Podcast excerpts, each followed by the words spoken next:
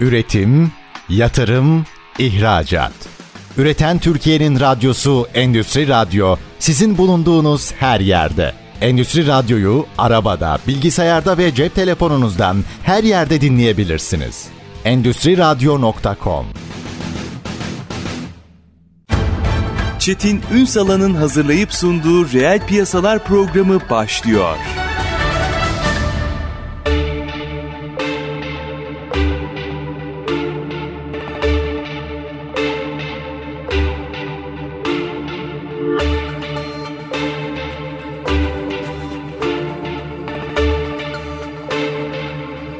Reel piyasalardan merhabalar. Türkiye'nin gerçek gündeminde birlikteyiz efendim. Bugün pazarlama ve teknoloji ikilisini konuşacağız. Çünkü çok ezber değişti. Pazarlamada teknolojiyle birlikte değişmesi gereken bakış açısını mercek altına alacağız. Yapay zekanın pazarlamaya etkisini konuşacağız. E-ticareti konuşacağız. Aslında temelde veri kullanmayı, o veriden ekonomi yaratmayı mercek altına alacağız. Tabii bir boyutuyla o e-ticaretin kaçınılmaz sonucu olarak da belki hedeflenmesi gereken başlıklardan biri de olan e-ihracatı konuşacağız. Bütün bunlar aslında her biri ayrı bir iş gibi gözükse de bir bakış açısı değişiminin ürünleri. İşte biz bu bakış açısını bugün nasıl değiştiririz bu sorunun yanıtının peşine düşüyoruz. Markam Sen kurucusu ve genel koordinatörü Nagihan Ünüvar. Bugün reel piyasaların konu. Sayın Ünüvar hoş geldiniz. Hoş bulduk Çetin Bey. Çok şey değişti değil mi teknolojide? Evet. Ya daha doğrusu şöyle diyeyim. Biz sizle yıllardır konuşuruz, program yaparız vesaire şöyle bir düşünüyorum aşama aşama ilk konuştuğumuz zamanlardan bu zamana kadar geçen bir süreç var teknolojik olarak. Bir de böyle son 2-3 yılda anormal bir değişim var. Evet. Hadi açalım mı biraz? Tabii ki. Neler değişiyor? Memnuniyetle. Teknoloji çok ilerledi. E, yapay zeka özellikle daha öğrenme aşamasındayken o zamandan bu zamana çok e, yol kat etti. Artık derin öğrenmeye geçti. E, makine öğrenimi çok gelişti. Teknoloji ilerledikçe işler de değişiyor. Hepsi birbiriyle paralel olarak devam ediyor. Tabii yapay zekanın gelişimi bizi oldukça etkiliyor. Hmm. Özellikle işler kolaylaştı. Kolaylaştıkça da rekabet de o oranda arttı. Çünkü yapay zekayı kullanmak artık günlük rutinimizin içerisinde yer almaya başladı. E, bu da tabii bizim bütün stratejilerimizi yeniden şekillendirmemizi, pazarlamada özellikle yapay zekayı daha efektif kullanmamız için neler yapabileceğimiz konusunda sürekli bir e, beyin fırtınası yapmamızı gerektiriyor. E, bu noktada da markalar, e, markaların heyecanı da güzel yalnız. Hani o zamanlar sizinle konuşmaya başladığımızda biraz daha böyle bir çekimserlik vardı. Nasıl yapacağız? İşte bu teknoloji bize ne getirecek gibi bir çekimserlik bir vardı ama şimdi meraka dönüştü. Meraktan da şimdi uygulama noktasında da çok çok faydasını gördüklerini düşünüyorum. Şöyle Güzel bir şey gidiyor. var. Orayı açalım. Bir kere Hı-hı. o verilerden nasıl yararlanılması gerektiğini özellikle konuşmak Tabii. istiyorum ama ilk önce işin felsefesini yapalım. Üretken yapay zekadan bahsediyoruz. Evet. Veya işte GPT diyelim. Şimdi herkes kullandığında mucize bitiyor. O zaman işte orada sizin bir farklılık ortaya koymanız evet. gerekiyor değil mi? Yani ona neyi ürettireceğinizle ilgili bir bakış açısı geliştirmeniz gerekiyor. İşin bu değişimini de biraz anlatabilir misiniz? Neye sahip olmalı o bakış açısını değiştirmek için? Tabii. Şimdi yapay zeka teknolojileri evet çok kıymetli, çok güçlü birer araç. Ancak iyi kullanılması, doğru kullanılması noktasında zaten bizler devreye giriyoruz. Yani e, yapay zekayı nasıl kullanacaksan o konuda muhakkak bilgiye sahip olmak gerekiyor. Yoksa hatalı veriler ve yanlışlıklara da gebe aynı zamanda. Çünkü o sürekli bir öğrenen bir mekanizma, kendini hı hı. geliştiren bir mekanizma. O mekanizmayı doğru yere yöneltmek de bizlerin görevi. Yani doğru yorumlamayı yapmak yine bizlerin görevi. Dolayısıyla kullanalım o mekanizmayı yalnız hiç de bilgisi olmayan, o alanda bilgisi olmayan insanlar eğer bunu yaparsa o zaman çok yanlış kullanımları, hatalı bilgileri sebep olabiliyor. Dolayısıyla bir konuda uzman olmadan o konunun teknolojisini kullanmayı ben doğru bulmuyorum. E, gördüğümüz örneklerde de yanlış bir takım bilgi üretiminde maalesef karşılaşıyoruz. Şeye benziyor bu arama motorunun şimdi adını e, evet. telaffuz etmeyeyim. İlk kullanılma şimdi nispeten daha iyi ama ilk kullanılmaya başladığı zaman e, sanki hani mutlak doğru gibi herkes oradan çıkanda böyle fikir münakaşaları bile onun üzerinden yapılırdı. Evet, evet. Sonra anladık ki bir dakika sizin bilgi biriktirmiş olmanız lazım ki doğruyla yanlışı ayırın. Evet. Aynı şey yapay zeka pazarlama ilişkisinde de geçerli değil mi? Kesinlikle. Sizin bir pazarlama bakış açınız olması lazım. Muhakkak. E, zaten yapay zekadan biz veriyi elde ediyoruz. Veriyi elde etmek için aradığımız bilgiye ulaşmak için örneğin işte bir konuda bilgiye sahip olmak istiyorum. Onun için de veriye ihtiyacım var. Veri de zaten bu bilginin parça parça yapı taşları diyebiliriz. Dolayısıyla ben o veriyi oradan aldıktan sonra onu hatalı olan kısmını ayıklamak, doğru bir hale getirmek o veriyi, daha sonra da o veriyi e, stratejiye çevirip kullanmam gerekiyor. O kısmı yaparken de, o veriyi işlerken de, yapılandırırken de kullanılabilecek hale getirmek için de e, bilgiye, deneyime ihtiyaç var. Yani bilgin olmasa o veriyi kullanamazsın. Onu doğru kabul edersin çok büyük hatadır bu. Çünkü e, çok görüyoruz gerçekten e, teknoloji şu an gelişiyor. Belki bundan 5 sene sonra artık Başka şey diyeceğiz şey ki e, veriyi çözüm işlememize gerek kalmıyor. Gerçekten çok pure, çok saf bir şekilde veri bize geliyor. Doğru bir şekilde geliyor, güzel gidiyor deriz. Ama şu anda hatalar var. Ayıklanması gereken hatalar var. Bunun bunu yapmanın görevi de bizim gibi analistler, istatistikçiler ve bu konuda uzman pazarlamacılar, teknik pazarlamacılara düşüyor. Her açıdan öyle. Yani siz kendi işinizle ilgili olarak şimdi birçok şeyi oraya yaptırabiliyoruz ama onu alıp o veriyi onu kendimize uygun, kendi dilimize uygun hale getirmek, dilimizi işlemek de bizim görevimiz oluyor. Yani e, yapay zeka pazarlama müdürünüz değildir. Pazarlama Yok. müdürüne ihtiyacınız var hala. Yok. Hatırlar mısınız ben size bir programınızda yaklaşık 5 sene önce birlikte konuşurken benim en iyi elemanlarımdan demiştim size hatta. Doğru, doğru. Gerçekten güzel çalışıyor ama ona komutu doğru verin. Zaten bilgisayar dili de böyle bir şey değil midir? Komutu doğru vereceksin ki çıktığı doğru alasın. Dolayısıyla o komutu vermek, o komutla ilgili olasılıkları ona öğretmek de e, bu olursa bu o, programlama dili de böyle bir şey aslında en basitine indirgeyecek olursak. Doğru komutu verip doğru çıktığı almak da bizim görevimiz. Bunu yapan da biziz. İnsanlar bunu yapıyorlar. Dolayısıyla doğru ellerde yapay zeka gerçekten bizim için inanılmaz işlerimizi kolaylaştıran, analiz kabiliyetimizi arttıran, birçok veriye çok kısa sürede ulaşmamızı sağlayan çok güçlü bir araç. Özellikle tabii ben pazarlama tarafında Hı-hı. uzman olduğum için pazarlamada ben bunu çok kullanıyorum ve e, markalarımla olan ilişkilerimde de onların işte direkt analizde e, müşteri segmentasyonunun belirlenmesi e, direkt yapay zekadan aldığım verilerle onları yönlendiriyorum. Dolayısıyla çok büyük bir aşama kaydettik. Yani çok güzel gidiyor ve daha da güzel oluyor. Bir de inanılmaz Çetin Bey e, şu anda bizim en çok kullandığımız analitik bir programlamada inanılmaz bir değişim var. Veri odaklı bir yaklaşım benimsedi bu sağlayıcılar. Biz de bundan çok faydalanıyoruz ve çok aktifler. Direkt bizimle ilgili bu konuda özel toplantılar yapıyorlar. Yani hı hı. işte isim verebilirim zannedersem. Firma değilse evet. Arama motorumuz yani işte direkt bizimle bağlantıya geçiyorlar ve yenilikler hakkında birebir toplantılar yapıyoruz ve bunun e, markalarımın sitelerine işte e-ticaret yapan markaların entegrasyonuyla ilgili olarak aynı zamanda yol gösteriyorlar. Bu da çok güzel. Hani bir dönem ara verilmişti ama şimdi teknoloji hızla gelişmeye Yetişmek başlayınca gerekiyor. onlar da bu konuda açıkçası doğru veriye onlar da ulaşmak istiyorlar. Tabii. Yani ben ne kadar işimi doğru yaparsam e, onların gözünde de onlar da e, doğru veriyi alacaklar. Dolayısıyla bizi sürekli, eğitmek onların da görevi haline geliyor. Sürekli algoritmayı buna yönelik değiştiriyorlar zaten. Değiştiriyorlar. Yani kötü evet. veriyi atacak şekle getirmeye çalışıyorlar. Evet. evet. Ee, ama kolay değil. Kolay Şimdi değil. yeni bir şey daha geldi. Derin öğrenmeye geçiş başladı. Yani yapay zekanın daha karmaşık verileri nasıl analiz edebileceği üzerine bir kafa yormaya başladılar. Yaptılar ama bunun işte pazarlama kampanyalarına dönüşmesi için biraz daha zamana ihtiyaçları olduklarını bana söyler. Bu çok yeni bir bilgi hatta. Dolayısıyla şey e, bu konuda da onlarla bir toplantım oldu geçen hafta. Biz bir sürecimiz var. O süreçte bittikten sonra bu konuda sizinle daha detaylı görüşelim diye biz toplantıyı sonlandırdık.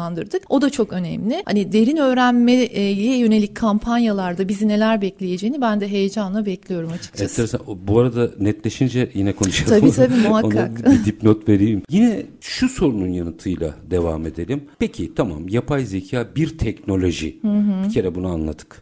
Yani sizin pazarlama ile ilgili bilginiz bu her konu için geçerli. Uzmanlığınız vesaire olmak durumunda. Burada yapay zekayı kullanarak bilgiye erken erişmek veya biraz daha analitik veriye erişmek. Veriyi nasıl kullanacağızı geleceğim. Evet. Ama ilk önce yapay zekayı nasıl kullanacağız? Evet. Onu biraz konuşalım mı? Yani doğru kullanımdan kastettiğiniz nedir? Bir kere biz yapay zekayı kullanmak için onun potansiyelini bizim e, ve nerelerde kullanacağımızı iyi anlamamız gerekiyor. Yapay zeka evet ben yapay zekayı kullanmak istiyorum. Nerede kullanacağım? Neye ihtiyacım olduğuyla bu doğru orantılı aslında. Şimdi satış ağırlıklı işte perakende sektörü olsun hatta satış olmasın hizmet sektörü olsun. Sonuçta ben müşterilerime ulaşmak, hedef kitleme ulaşmak, onlara kendimi anlatmak istiyorum. Bir marka bilinirliği sağlamak istiyorum. Marka iletişimi yapacağım yahut satış yapacağım direkt. Yapay zekayı bu noktada devreye sokuyoruz. Yani diyoruz ki işte ben bütün her şeyi veriye odaklı yapacağım. Doğru verileri benim için al ve bu verileri bana raporla. Ben de bu veriler içerisinde ayıklama yaparak nasıl bir strateji ile pazarlama çalışmalarıma devam edeceğime karar vereyim. İçgörü değil ama bir öngörü olacak. Yani geleceğe yönelik yapacağım e, çalışmalarda bana bir öngörü verecek yapay zeka. Yapay zeka aslında her yerde. Yani ona ulaşmak için özel bir şey, özel otomasyon programlarımız var. Evet yani işte veriye ulaşmakta bizim kullanmış işte web scraping e, dediğimiz otomatik veri indirme özelliği olan bazı programlar var. Ya da işte en basitinden bizim internet sitemize geldiklerinde kişisel verileri KVKK kapsamında onları bilgilendirdikten sonra onlar da birer veri. Tabii. O verileri tabii nerede biz bunları topluyoruz? Her bizi ifade eden, dijital dünyada ifade eden her ortamda sosyal medya hesapları olsun, internet siteleri olsun her ortamda aslında yapay zeka teknolojisine o veriyi biz aktarmış oluyoruz. Bizim bizden gelen verileri de o konfigüre ediyor. Yani işte senin işte son işte bir ayda şu kadar insan e, seninle iletişime geçti. Bu kadar insan devam daha ettirdi. çok devam ettirdi. Bu kadar insan geri döndü. Bunlar o kadar fazla ki Çetin Bey. Yani bunların kırılımlarına biz çok rahat yani şu anda internet üzerinde dijital mecrada aktif olan her marka yapay zeka ile iletişim içerisinde zaten. Otomatik olarak iletişimde. Bir de bunu özele indirmek var. Yani nedir? İşte ben üretim süreçlerimde mi yapay zeka kullanacağım? Otomasyonda mı işte CRM'de mi, müşteri ilişkilerinde mi ben yapay zeka kullanacağım? Üretim süreçlerimde ERP'de mi ben yapay zeka kullanacağım? Bu daha böyle özele iner. Her işletmenin ihtiyacı olan çözümler vardır. Bunun içinde çeşitli programlar var. Çok çeşitli programlar var. Hem bulutta dediğim e, bulut programları var. Hem de yerel markalar var bu konuda çalışan. Bu teknoloji şirketleriyle iletişime geçiyoruz ve o teknoloji şirketlerinden kendimize uygun yapay zeka teknolojisini satın alıyoruz. Bu daha özele inen bir çalışma oluyor. O bize özel. E, bize özel oluyor. Orada neye ihtiyacımız olduğu önemli. O ihtiyaç doğrultusunda da o teknolojiye sahip olmak. Onun için bir yatırım yapmak ve o teknolojiyi kendi içimize almakla ilgili. Peki e, şimdi minik bir araya gideceğim. Tabii. Aranlardan bunları biraz detaylandıralım. Hı. Özellikle verinin kullanım şeklini e, ama yapay zeka meselesinde söylediklerinizden şunu tekrar altın çizmek üzere e, ifade etmek isterim. Yapay zeka bir teknolojidir. Oradan geleni yine siz uzmanlığınız doğrultusunda analiz etmek Tabii. ve strateji belirlemek zorundasınız. Tabii. Teslim olmak değil bu. Yok değil. Yaşayın. Efendim kısa bir ara aranın ardından Markam Sen kurucusu ve genel koordinatörü Nagihan Ünüvar'la sohbetimiz devam edecek. Lütfen bizden ayrılmayın. Üretim, yatırım, ihracat. Üreten Türkiye'nin radyosu Endüstri Radyo sizin bulunduğunuz her yerde. Endüstri Radyo'yu arabada, bilgisayarda ve cep telefonunuzdan her yerde dinleyebilirsiniz. Endüstri Radyo.com Kısa bir aranın ardından reel piyasalarda tekrar sizlerle birlikteyiz. Konuğumuz Markam Sen kurucusu ve genel koordinatörü Nagihan Ünüvar. Yapay zeka ve pazarlama ilişkisiyle başladık. Aslında Sayın Ünüvar'ın altını çizdiği çok net bir gerçek var. Bir kere daha bir şekilde çizeyim diye yapay zeka ve benzeri teknolojiler son derece önemli. Mutlaka kullanmalısınız. Ama burada da tabii bir okur yazarlık gerekiyor. Onun da altını çizelim. Ama günün sonunda stratejilerde belirleyici olan sizsiniz. Oradaki veriyi doğru kurgulamak zorundasınız. Tam da burada Sayın Ünüvar'a döneceğim. O kadar subjektif bir şey ya bu kadar objektif bir konuda E, veri konuştuğumuz bir konuda o kadar subjektif bir başlık ki detaylandırmamız e, lazım.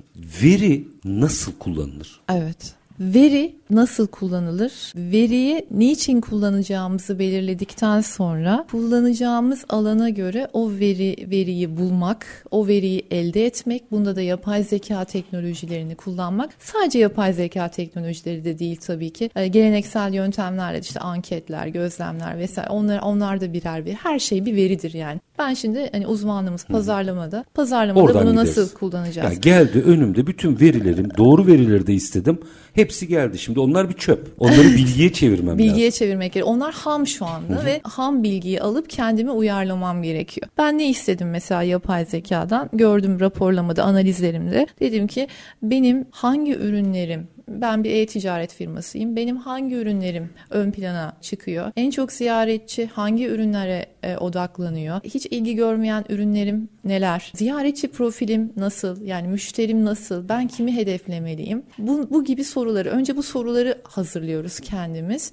E, yani bir pazarlamacı olarak. Ne? Aynen. O soruları hazırladıktan sonra bu sorulara e, dönüyorum yapay zekanın verdiği verileri. Bu Hı-hı. soruların cevabını oradan alıyorum. Sonra onları o verileri aldıktan aldıktan sonra verileri ayıklıyorum. O ayıklama sürecinde de işte o dedim ya biraz önce bana her şey geliyor ama bir anlamı yok dediğiniz gibi hani o çöp dediğimiz her şey geliyor. O onu anlamlandırmak için de işime e, yarayacak olanları seçiyorum. Mesela genel ifadeleri değil de onu daha da özelleştirebiliyorum. E, dediğim gibi biraz önce işte sayfalarım ürün bazında fiyat müşterilerin satın aldığı ürün fiyatları bazında bunları özelleştiriyorum. Özelleştirdikten sonra da pazarlama kampanya kampanyamı oluştururken e, bu artık pazarlama sorumlusunun stratejisine kalmış bir şey. Hangi üründe kampanyaya gideceğim? Ne tür bir kampanya yapacağım? Ve bu kampanyadan beklentilerim ne olacak? Bu artık pazarlamacı oturacak e, stratejisini belirlerken işte indirime mi gideceğim? İşte fiyat politikasında mı işte ne bileyim işte 10 lira yerine 9.90 lira mı yapacağım bu ürünü ön plana çıkarmak için? Ya da işte abonelik hizmetinde bir süre ücretsiz kullanımı sunacağım? Bu artık tamamen ilgiye ve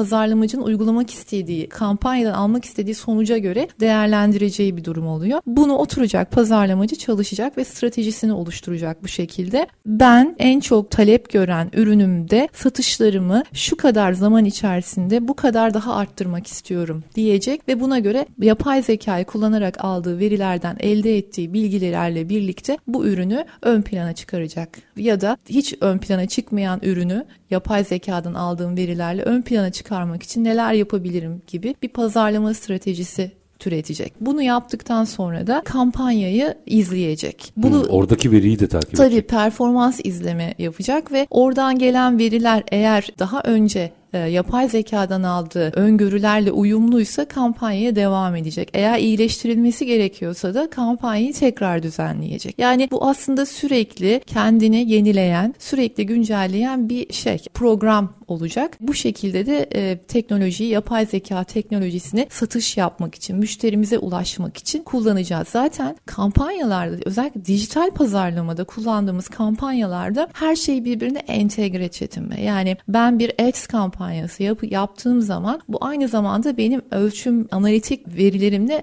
birbiriyle entegreli, bağlantılı olduğu için dönüşümleri de ona göre alıyor. Yani orada aslında hata payı olmakla birlikte her şeyde bir hata payı vardır. Elbette. Ee, olmakla birlikte mümkün olduğunca veriye dayalı olunca daha böyle güzel yani bizim işimize yarayacak dönüşüm değerleri elde etmemizi sağlıyor. Biz bunu görüyoruz. Özellikle dediğim gibi son 1-2 yılda yaptıkları inanılmaz teknoloji yatırımıyla bu işte kitle sinyali dediğimiz işte doğru insana benim kampanyamı göstermek, direkt hedef odaklı atış ve bunun dönüşümünü sağlamakta çok başarılı yapay zeka şu anda. Dolayısıyla biz bunu çok iyi kullanıyoruz. Bu şekilde kullanılıyor yapay zeka. Şey aklıma geldi. Bunu anlatırken gözümde Hı-hı. ne canlandı biliyor musunuz? Buyur. Eskiden bakkallar vardı. E, mahalle bakkallarından bahsediyorum ama. Hı-hı. Öyle marketimsi bakkallardan değil. O bakkal amcalar ya da teyzeler e, şey yapardı. Şimdi bir ürün satın alırken bir de ürün sunarkeni aklıma. Sizin söylediğinizde direkt bu canlandı gözümde. Mesela ona mal satmaya gelen biri der ki o bakkal ya ondan çok gitmiyor. Ondan az ver. Evet. Çok gideni de gözüyle tespit evet, eder. Evet. Belki ön rafa koyar. Evet. Onunla ilgili bir belki afişi asardı. Hı hı. Bunun daha hatasız evet hali. Evet ve daha zamandan tasarruflu hali diyelim. İnisiyatif dışı. E, inisiyatif dışı tamamen otomatik e, bir şekilde size bu verilerin gelmesini sağlayan bir sistem. Yani şöyle düşündüğümüzde düşünsenize hem zamandan tasarruf yapıyorum hem bütçeden tasarruf yapıyorum. E, hem e, veriler bana geliyor ben onları harmanlayabiliyorum hem de e, satış larımı artırabiliyorum. Çünkü e, yani hata payı düşüyor. Düştükçe satış yapma olasılığım da artıyor. Yani mesela mesela ben e, kendi markalarımda e-ticarete başladığımız süreci mesela 10 sene önce başladı takriben benim markalarım e-ticarete. E-ticarete başladığımız süreçteki durumlarımıza bakıyorum mesela satış yapmak için ne kadar efor sarf ettiğimize, e, ne kadar işte veri veriyi kendimiz işte üretmeye, üretmeye çalıştığımızı. Şimdi bakıyorum e, ben bu verileri o kadar güzel e, alıyorum ki o verileri sadece doğru yorumlamak ve ona göre bir kampanya oluşturmaya düşüyor. Onu ben yapıyorum. Yani zaten pazarlamacı bunu yapmalı ki o verilerle kazanca dönüşsün yaptığın işler. Şimdi markalarım tarafında da bunu yaşamak güzel. E, daha az efor sarf ediyoruz daha az bütçe harcıyoruz. Bütçeyi de daha az har. Çünkü bütçe doğru kullanıldığında daha Tabii. az bir bütçeyle daha çok verim elde edebiliyorsun. Eskiden ilk başladığımız zamanlarda biraz daha böyle tanımaya, anlamaya çalışıyorduk. Biz anlamaya çalışıyoruz. Yapay zeka, makine öğrenimi anlamaya çalışıyor. Dolayısıyla o süreci böyle atlattık. Ama şimdiye geldiğimizde biz ona doğru veriler verdik. O verileri doğru konfigüre ediyor ve onu şey, o şekilde kampanyalarda daha etkin oluyor. Yani aslında araştırmanın birim maliyeti düşüyor düşüyor. Yani evet yani şimdi araştırmanın da düşüyor. işler de değişiyor. Pek göze batmaz ama evet, e, pahalı bir iştir. Şimdi tabii işler de dönüşüme girdi bu şekilde. Yani eskiden biz ilk zamanlarda muhakkak işte bir e, fokus grup çalışması, kalitatif çalışma bunlar daha böyle insan insan birebir iletişimi gerektiren in-depth çalışmalar. Onların her zaman takdir ettiğimiz çalışmalar. Ama biz bunu dijitalde yapay zeka teknolojileriyle çok veriye ulaştığımız için aslında araştırma tarafı geleneksel görsellikten koptu. Yani kopmak üzere diyeyim ya da ama çok bilgiye bir de biz o bilgileri çok iyi verdik. Markaların sosyal medya hesapları, oradaki paylaşımlar, internet siteleri, oradaki içerikler, e, bilgi o kadar yoğunlaştı ki artık yapay zekada şunu anlıyor. Yani ben X markası söz konusu olduğunda onun hedef kitlesi bu hedef kitlenin alışkanlıkları daha kişiselleştirebiliyor bana. Senin işte, müşterin bu diyor. Senin müşterin bu diyor. Bunun daha ileri boyutları da var. Yani ürün fiyatı fiyatına kadar öngörüde bulunabiliyor.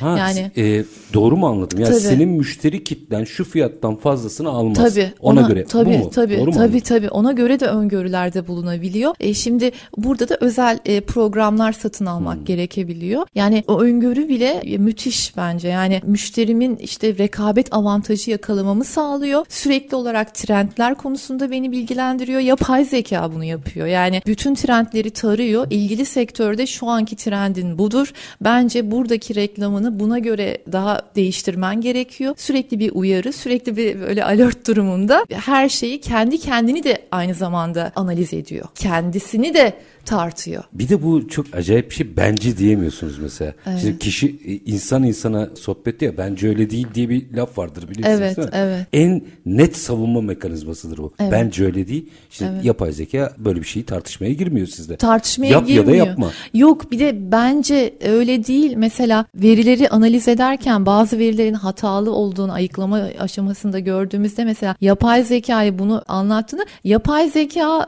ego sıfır olduğu için düz düzeltiyor kendisini ve yani şey değil. Sonuçta o bir doğal dil yönetim sistemi o bir ama teknoloji yani o bir bunu... teknoloji duyguları yok ama hataya da hata payı da var onda. Yani hatasız zım diye öyle bir iddiası yok ama insanlarda biliyorsunuz öyle bir iddia her tabii, zaman tabii. vardır. Ama yani şey o, o noktada da bizi rahatlatıyor. Daha iş odaklı, daha duygulardan duygulardan arınmak ne kadar doğru bir kelime bilmiyorum. Bizim işimiz duygularla ama aslında. Ama orada da insan devreye girecek işte. Evet işte. Orada uzmanlık, o insan, beni müşterinin duygusal deneyimi. Şimdi gerçi NLP programları da var Çetin Bey. Yani yapay zekanın duygu etkileşimine yönelik. O yine de duygu analiz edebilir. Var, Duyguyu analiz, hissetmek. Evet. Yani bazen adını koyamadığınız bir şey vardır. Piyasada evet. görürsünüz onu.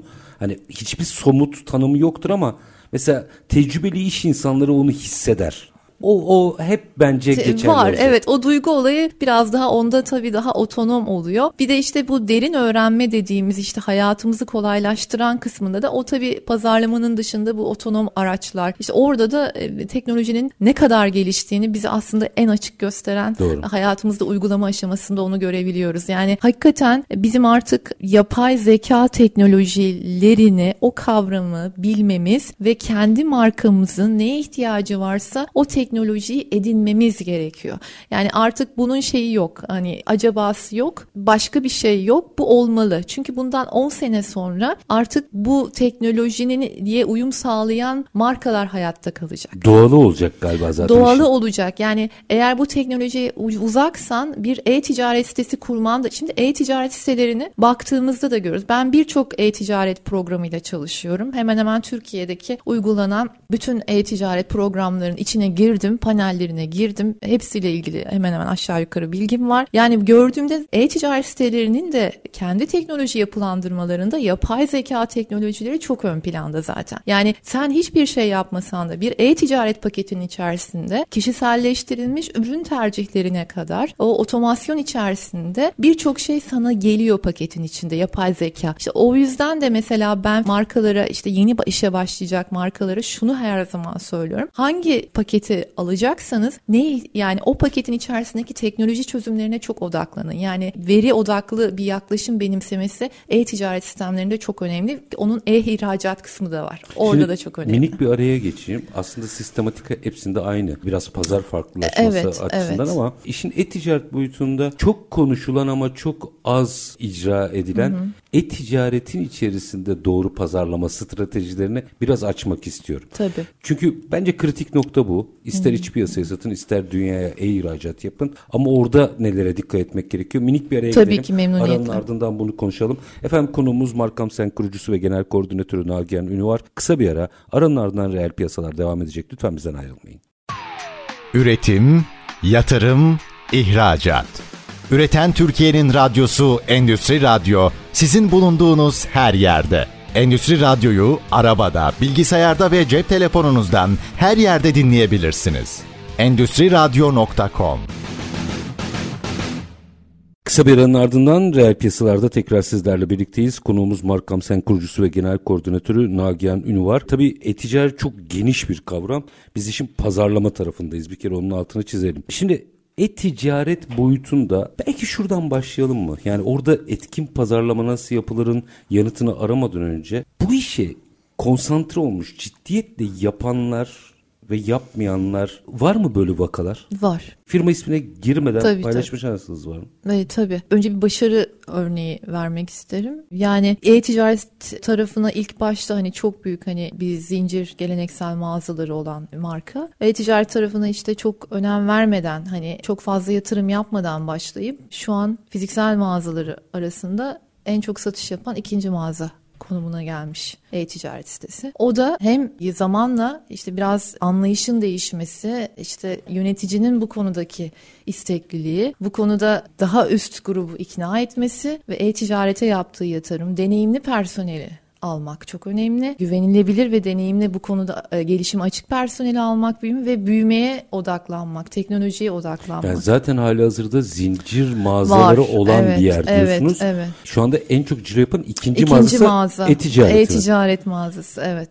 Evet yani bu da markanın 6-7 yılda geldiği bir süreç. Dolayısıyla hani ama ilk birkaç sene daha az yatırımla bu işi başlarken büyümeyle birlikte biraz da aslında vizyonla da ilgili bir şey. Yönetim kadrosundaki vizyonerlik aslında direkt markayı da etkiliyor. Bir de sonuç gördükçe hevesleniyor. Sonuç gördükçe de e, daha çok e, istek oluyor ve şu an yapı çok büyüyor. Tedarikçi sayısı çok büyüyor ve dolayısıyla hani bu, bu bir başarı öyküsü aslında. Yatırım yapıp kötü sonuç alan var mı? Benim deneyimimde yok. Benim kendi deneyimimde yok. Yatırım yapıp kötü sonuç alan şöyle e, olabilir. Yatırım demeyelim tam anlamıyla ona. Hani e, Bu meseleye girmiş diye. bu meseleye girelim. Bizim de e-ticaret şey sitemiz olsun ama gene geleneksel mağazacılık vizyonunda kalalım deyip e-ticaret sitesine talebin daha fazla olması ve fiziksel mağazaya gelişin daha az olmasından dolayı satışta istikrarsızlığa bu da bir başarısızlık öyküsüdür belki. Varan markalar olabiliyor. Daha çok fiziksel mağazayı ön plana çıkarıyor. Çünkü zaten müşteri e-ticareti istiyor.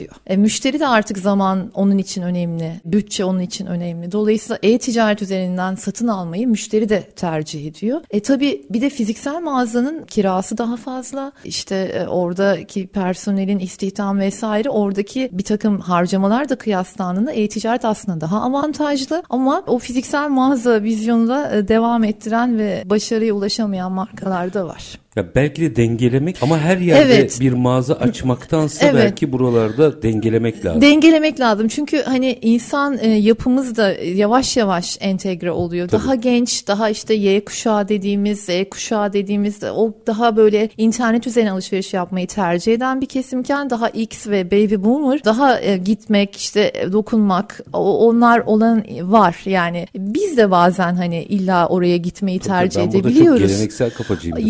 Bir de. Ay, Hepimiz de aslında bakmayın, zaman zaman oluyor. konuşuyorum ama- Tabii. Ama işte Çünkü ben orada esnafla iki sohbet etmeyi e, Bak seviyorum. bunu seven de var. E, direkt yani niye neden ben satış kaçırayım? İnternet üzerinden de o ürünümü alacak 30 yaşında bir insan da varken ben neden e, o satışı kaçırayım? Gerek yok. Yani o satışı da yakalayabilirsin sen e-ticaret sitenle. Yani e, Orada da ol. bilinç Hikaye evet bu galiba. orada da ol ama iyi ol. Olacaksan da iyi ol. Yatırımını yap. Hmm. Mesela ürünlerini doğru bir şekilde yükle, içeriklerini yani oraya bir yatırım yap. Yani te- al onu, satın al. Şeyi anladığım kadarıyla biz de burada olalımdan çok e, tıpkı yeni bir mağaza açıyormuş gibi cid- ciddiyet galiba burada. Artık o, o onu bence Türkiye'deki bütün e, şirketler eğer e-ticaret sistem varsa şunu bil ki o artık senin mağazan. Yani o anlayışı bizim artık tamamen benim işte bir tane mağazam var değil. Benim iki mağazam var. Yani bir mağazanızdaki operasyonlarınızda ne kadar ciddiyetle Evet, yaklaşıyorsanız evet. e, E-ticaret or- orada ciddiyetle olmalı. yaklaşmıyorsanız ayrı bir problem. Ciddiyetle yaklaş o zaman evet. zaten firma olarak çok geleceğe Evet. dair bir şansınız olmaz. Ama orada ne kadar ciddiyetle davranıyorsanız burada da aynı Evet. ciddiyetle davranmak Evet. durumundasınız. Şimdi hep e-ticaretten yürüdük ama bir de işin hani mesela hizmet sağlayıcıları var. Yani işte otomobil yetkili servisi olabilir bu. Diğer hani sektörde hizmet yani yerinde hizmet verenler var. Gerçi onlar da şimdi artık mobile döndüler. İşte müşteri ona mesela orada bizim e, servis çalışmalarında ben takip ettiğim benim markamda olmuştu onunla ilgili ve müşteri odaklılık. Yani mesela hizmet sektörü için ne kadar önemli, ne kadar değerlidir Tabii. müşteri odaklı. Onların hayatını nasıl kolaylaştırabilirim? Özellikle İstanbul'da. Aracımı alacağım, servise götüreceğim, bekleyeceğim falan çok uzun süreçler. Hani kapıya hizmet yapan firma sayısının da ben çok arttığını görüyorum. Bu da çok önemli. Yani sadece e-ticaret sitesi değil. Benim internette, dijital mecrada varlığım varsa o varlığımı hedef kitleyi nasıl kullanışlı hale getirilmemi hepimizin sorgulaması gerekiyor. Peki o zaman başka bir boyut sorgulamak istiyorum. E-ticaret konuştuğumuzda bilinçleri tenzih ederim. Evet. Ama genellikle herkesin aklına satış geliyor. Ne kadar satarım. Evet. Çok da doğal bir şey Doğal, ve insani evet. bir şey. Bir şey de demiyorum ama mesela biz normal gelenekselde bir pazarlama hamlesi yaptıktan sonra satışın geleceğine iyi kötü artık kanaat getirdik. E bu e-ticarette de çok farklı olmasa gerek. Yani günün sonunda bir pazarlama yapmanız lazım ki satışa dönsün. Evet. E-ticaret tarafında pazarlama stratejisi nasıl oluyor? E-ticaret tarafında çok farklı stratejileri uygulayabilirsiniz. Çünkü e-ticarette şöyle bir durum var. Rekabet avantajı bence ön planda olmalı. Aynı ürünü kıyaslama imkanı çok fazla e-ticarette. Dolayısıyla orada da aynı ürünü daha uygun fiyata alma eğilimi oluyor. Ee, Hani raporlamalarda da bunu görüyoruz zaten tercihlerde. Günün sonunda orada bir kere ilk önce fiyatta yakalıyorsunuz Ee, yani ama fiyat- salt fiyatta değil. Yani onu da altını Yani yok salt fiyat değil ancak hani aynı ürünse çünkü bizde şey çok fazladır hani evet, alım satım aynı ürünün işte aynı markanın birkaç bayi tarafından satılması vesaire. Dolayısıyla orada bir kere fiyat ön planda yani eğer fiyatımı ön plana çıkaramıyorsam hizmetimi ön plana çıkarım. Yani her markanın kendine göre güçlü yanları var. Artı bir şey sunmanız Artı bir gerekiyor. şey sunmak gerekiyor. Yani ben ne de iyiyim sorusunun cevabını biz bir kere vermemiz gerekiyor. Bu cevabı verdikten sonra hani ben fiyatta rekabetçi değilim ama benim hizmetim şöyle olabilir ya da işte yeni bir ürün geliştirme olabilir. Yani burada aslında bulunmayanı bulmaları çok önemli müşterilerin. Çünkü ben dikkat ediyorum. Tamam marka güvenilirliği çok önemli olmakla birlikte fiyat son zamanlarda özellikle çok ön planda. Yani daha uygun fiyata iyi bir ürün almaya çalışıyor insanlar. Markanın kendi üretimi değilse eğer markanın kendi üretimi ve hani o bizim eşsiz dediğimiz e, tasarımlarsa orada zaten fiyat rekabetini çok yani ne olursa olsun rekabet avantajının yüksek oluyor. Ama diğer durumlarda fiyata fiyat önemli bir faktör. Türkiye'den bahsediyorum. Artı hizmet çok önemli, lojistik çok önemli, teslimat çok önemli. Çünkü bizim operasyon süreçlerindeki aksamalar müşteri tarafında çok e, hoş görülmüyor. Dolayısıyla hani orada Çok net bir şey söyleyeyim mi yaşadığım? yani Hmm, evet. hepimiz yemek söylüyoruz bir şekilde değil mi? Evet. Mesela aynı ürünün fiyat cazibesi daha iyi olduğu için söylediğim bir yerde yemek soğuk geldiyse ben bir daha asla o et ticaret sitesine girmiyorum. Evet. Ya mesela o yeme içme Belki bir firma yüzünden. evet yeme içme çok daha bakın bir firma yüzünden o sektörden Ya soğuyorsunuz. o o, tic- o siteye girmiyorum O mesela. siteden alışveriş, Alışveriş yapmıyor. Oradaki pazar yeri çünkü burası. O pazar yeri birçok e, restoran seçememiş diyorum, barındırıyor. cezalandırıyorum İyi seçememiş, bünyesini alamış. Orada da öyle bir şey var zaten. Hani o pazar yerlerinde birçok markayı içeri alıyorlar. O markanın yaptığı herhangi bir hata diğer markaları da bağlayabiliyor. Orada da pazar yerinin bu stratejisini e, bence düşünmesi ve geliştirmesi gerekiyor. Kontrol mekanizmasını geliştirme. Çok büyümek iyidir ama birden kontrolsüz büyümek tehlikeleri de beraberinde getirir. Örnek daha vereyim onu yorumlayın. Tabii. Mesela yine hadi yemekten başladık yemekten gidelim. Bir yerden yemek söylediğinde çok basit bir şey söyleyeceğim şimdi size. Aynı yemek geliyor. Tamam kalite güzel falan neyse. Oradaki aşçının, aşçı başının, şefin notuyla geliyor yemek. Muhteşem. O kadar mutlu ediyor ki insanı. Yani onun aynı parasını ödemişsiniz belki. Belki biraz daha fazla ödemişsiniz ama onun size özel bir not yazmış olması ve teşekkür ederek onu yollamış olması el yazısıyla dikkatinizi çekerim. Ne kadar hoş.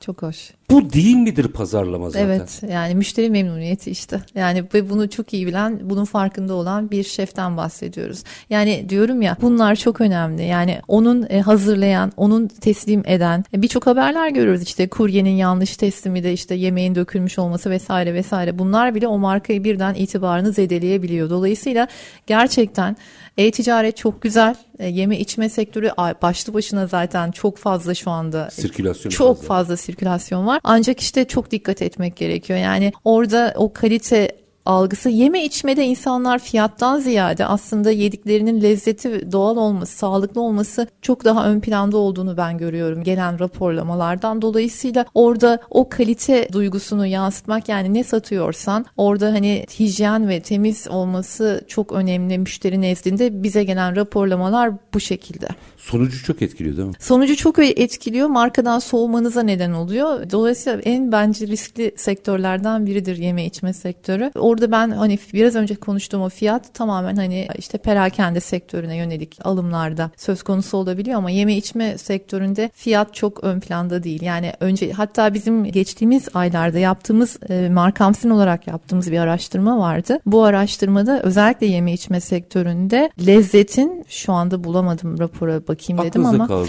evet önemli. e, lezzetin ve daha kalitenin, hijyenin daha ön planda olduğunu gördük. E, fiyat daha aşağılardaydı. Bir de ödeme kolaylığı çok ön planda evet. yeme içmede. O da işte kapıda ödeme seçenekleri mesela. Bu da bir bilgi olarak vereyim izleyenlere, dinleyenlere. Dolayısıyla ödeme seçeneklerinin kolaylığı, hızlı teslimat ve e, işte lezzet, hijyen, hijyen özellikle yeme içmenin bence orada fiyat şey yani Tartışmasız. tartışma. Yani zaten 3 aşağı 5 yukarı zaten ne ödeyeceğinizi tahmin ediyorsunuz. Edebiliyor Üç- musunuz şu an? Tabii tabii yani 3 lira ha tabii ondan diye ama 3 lira eksik 3 lira fazla aşağı yukarı Evet. sizin kafanızda bir e, o risk rakam evet var. ona girmişsiniz. Yani orada evet. 3 lira 5 lira için e, kimse o riski almaz. Yok yediğin şeyden asla ödün vermezsin. Perakende de de yani ürünün ürün çeşitliliği çok önemli. Örneğin e-ticaret sitesi içerisindeki ürün sayısının çok fazla olması, alternatifin olması, kendi içinde kıyaslama yapabilmen, hatta hem fiyat hem ürün özelliklerinden dolayı çeşitlilik çok önemli. E-ticaret çeşitliliği sever. Şey çok seviyor. Yani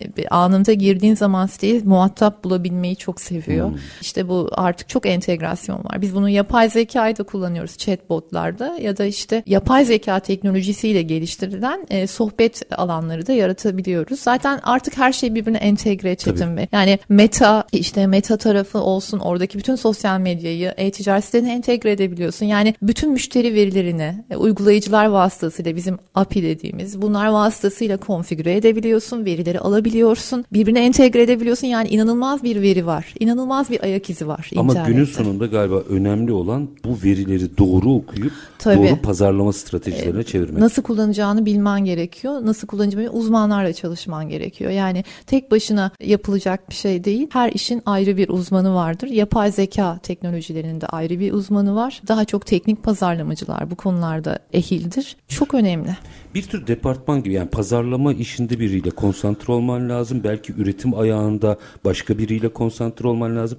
Ya o işin uzmanı. Evet. Mesele bu. E, son zamanlarda artık pazarlama daha çok böyle e, mühendislik bilgisini de sahip olanlar. İster istemez. Evet ister yani istemez. çünkü o teknoloji çünkü biz artık kodlamayı e, bilmek gerekiyor. Şimdi tam onun da yapay zekası var diyeceksiniz.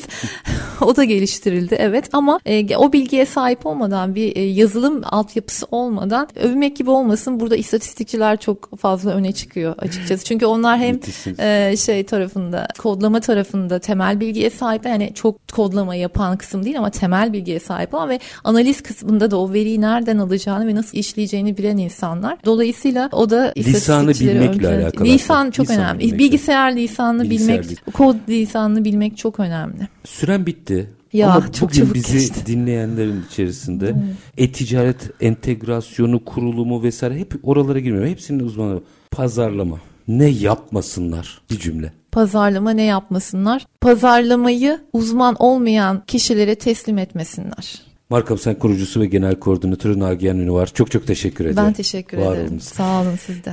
Efendim biz bugün e, yapay zekanın pazarlamaya etkisini konuştuk. O pazarlama içerisinde firmaların yeniden yapılanması, bakış açısı, o veri, verinin kullanılması ve aslında sonuç alınması ile ilgili e, meselelerin üzerinde durduk. E tabi işin bir boyutuyla da iş ister istemez e-ticarete hatta bağlantılı olarak e-ihracata kadar uzanan bir yolculuğa doğru gidiyor. Ama günün sonunda verisini doğru okumadığınız, ciddiyetle meseleye yaklaşmadığınız ve pazarlamasını yapmadığınız bir ürünü satamazsınız. Anladığımız bu. Bunun için de teknoloji artık eskisinden çok daha fazla yardım ediyor. Biz her gibi bitirelim. Şartlar ne olursa olsun paranızı ticarete, üretime yatırmaktan, işinizi layıkıyla yapmaktan ama en önemlisi vatandaş olup hakkınızı aramaktan vazgeçmeyin. Hoşçakalın efendim.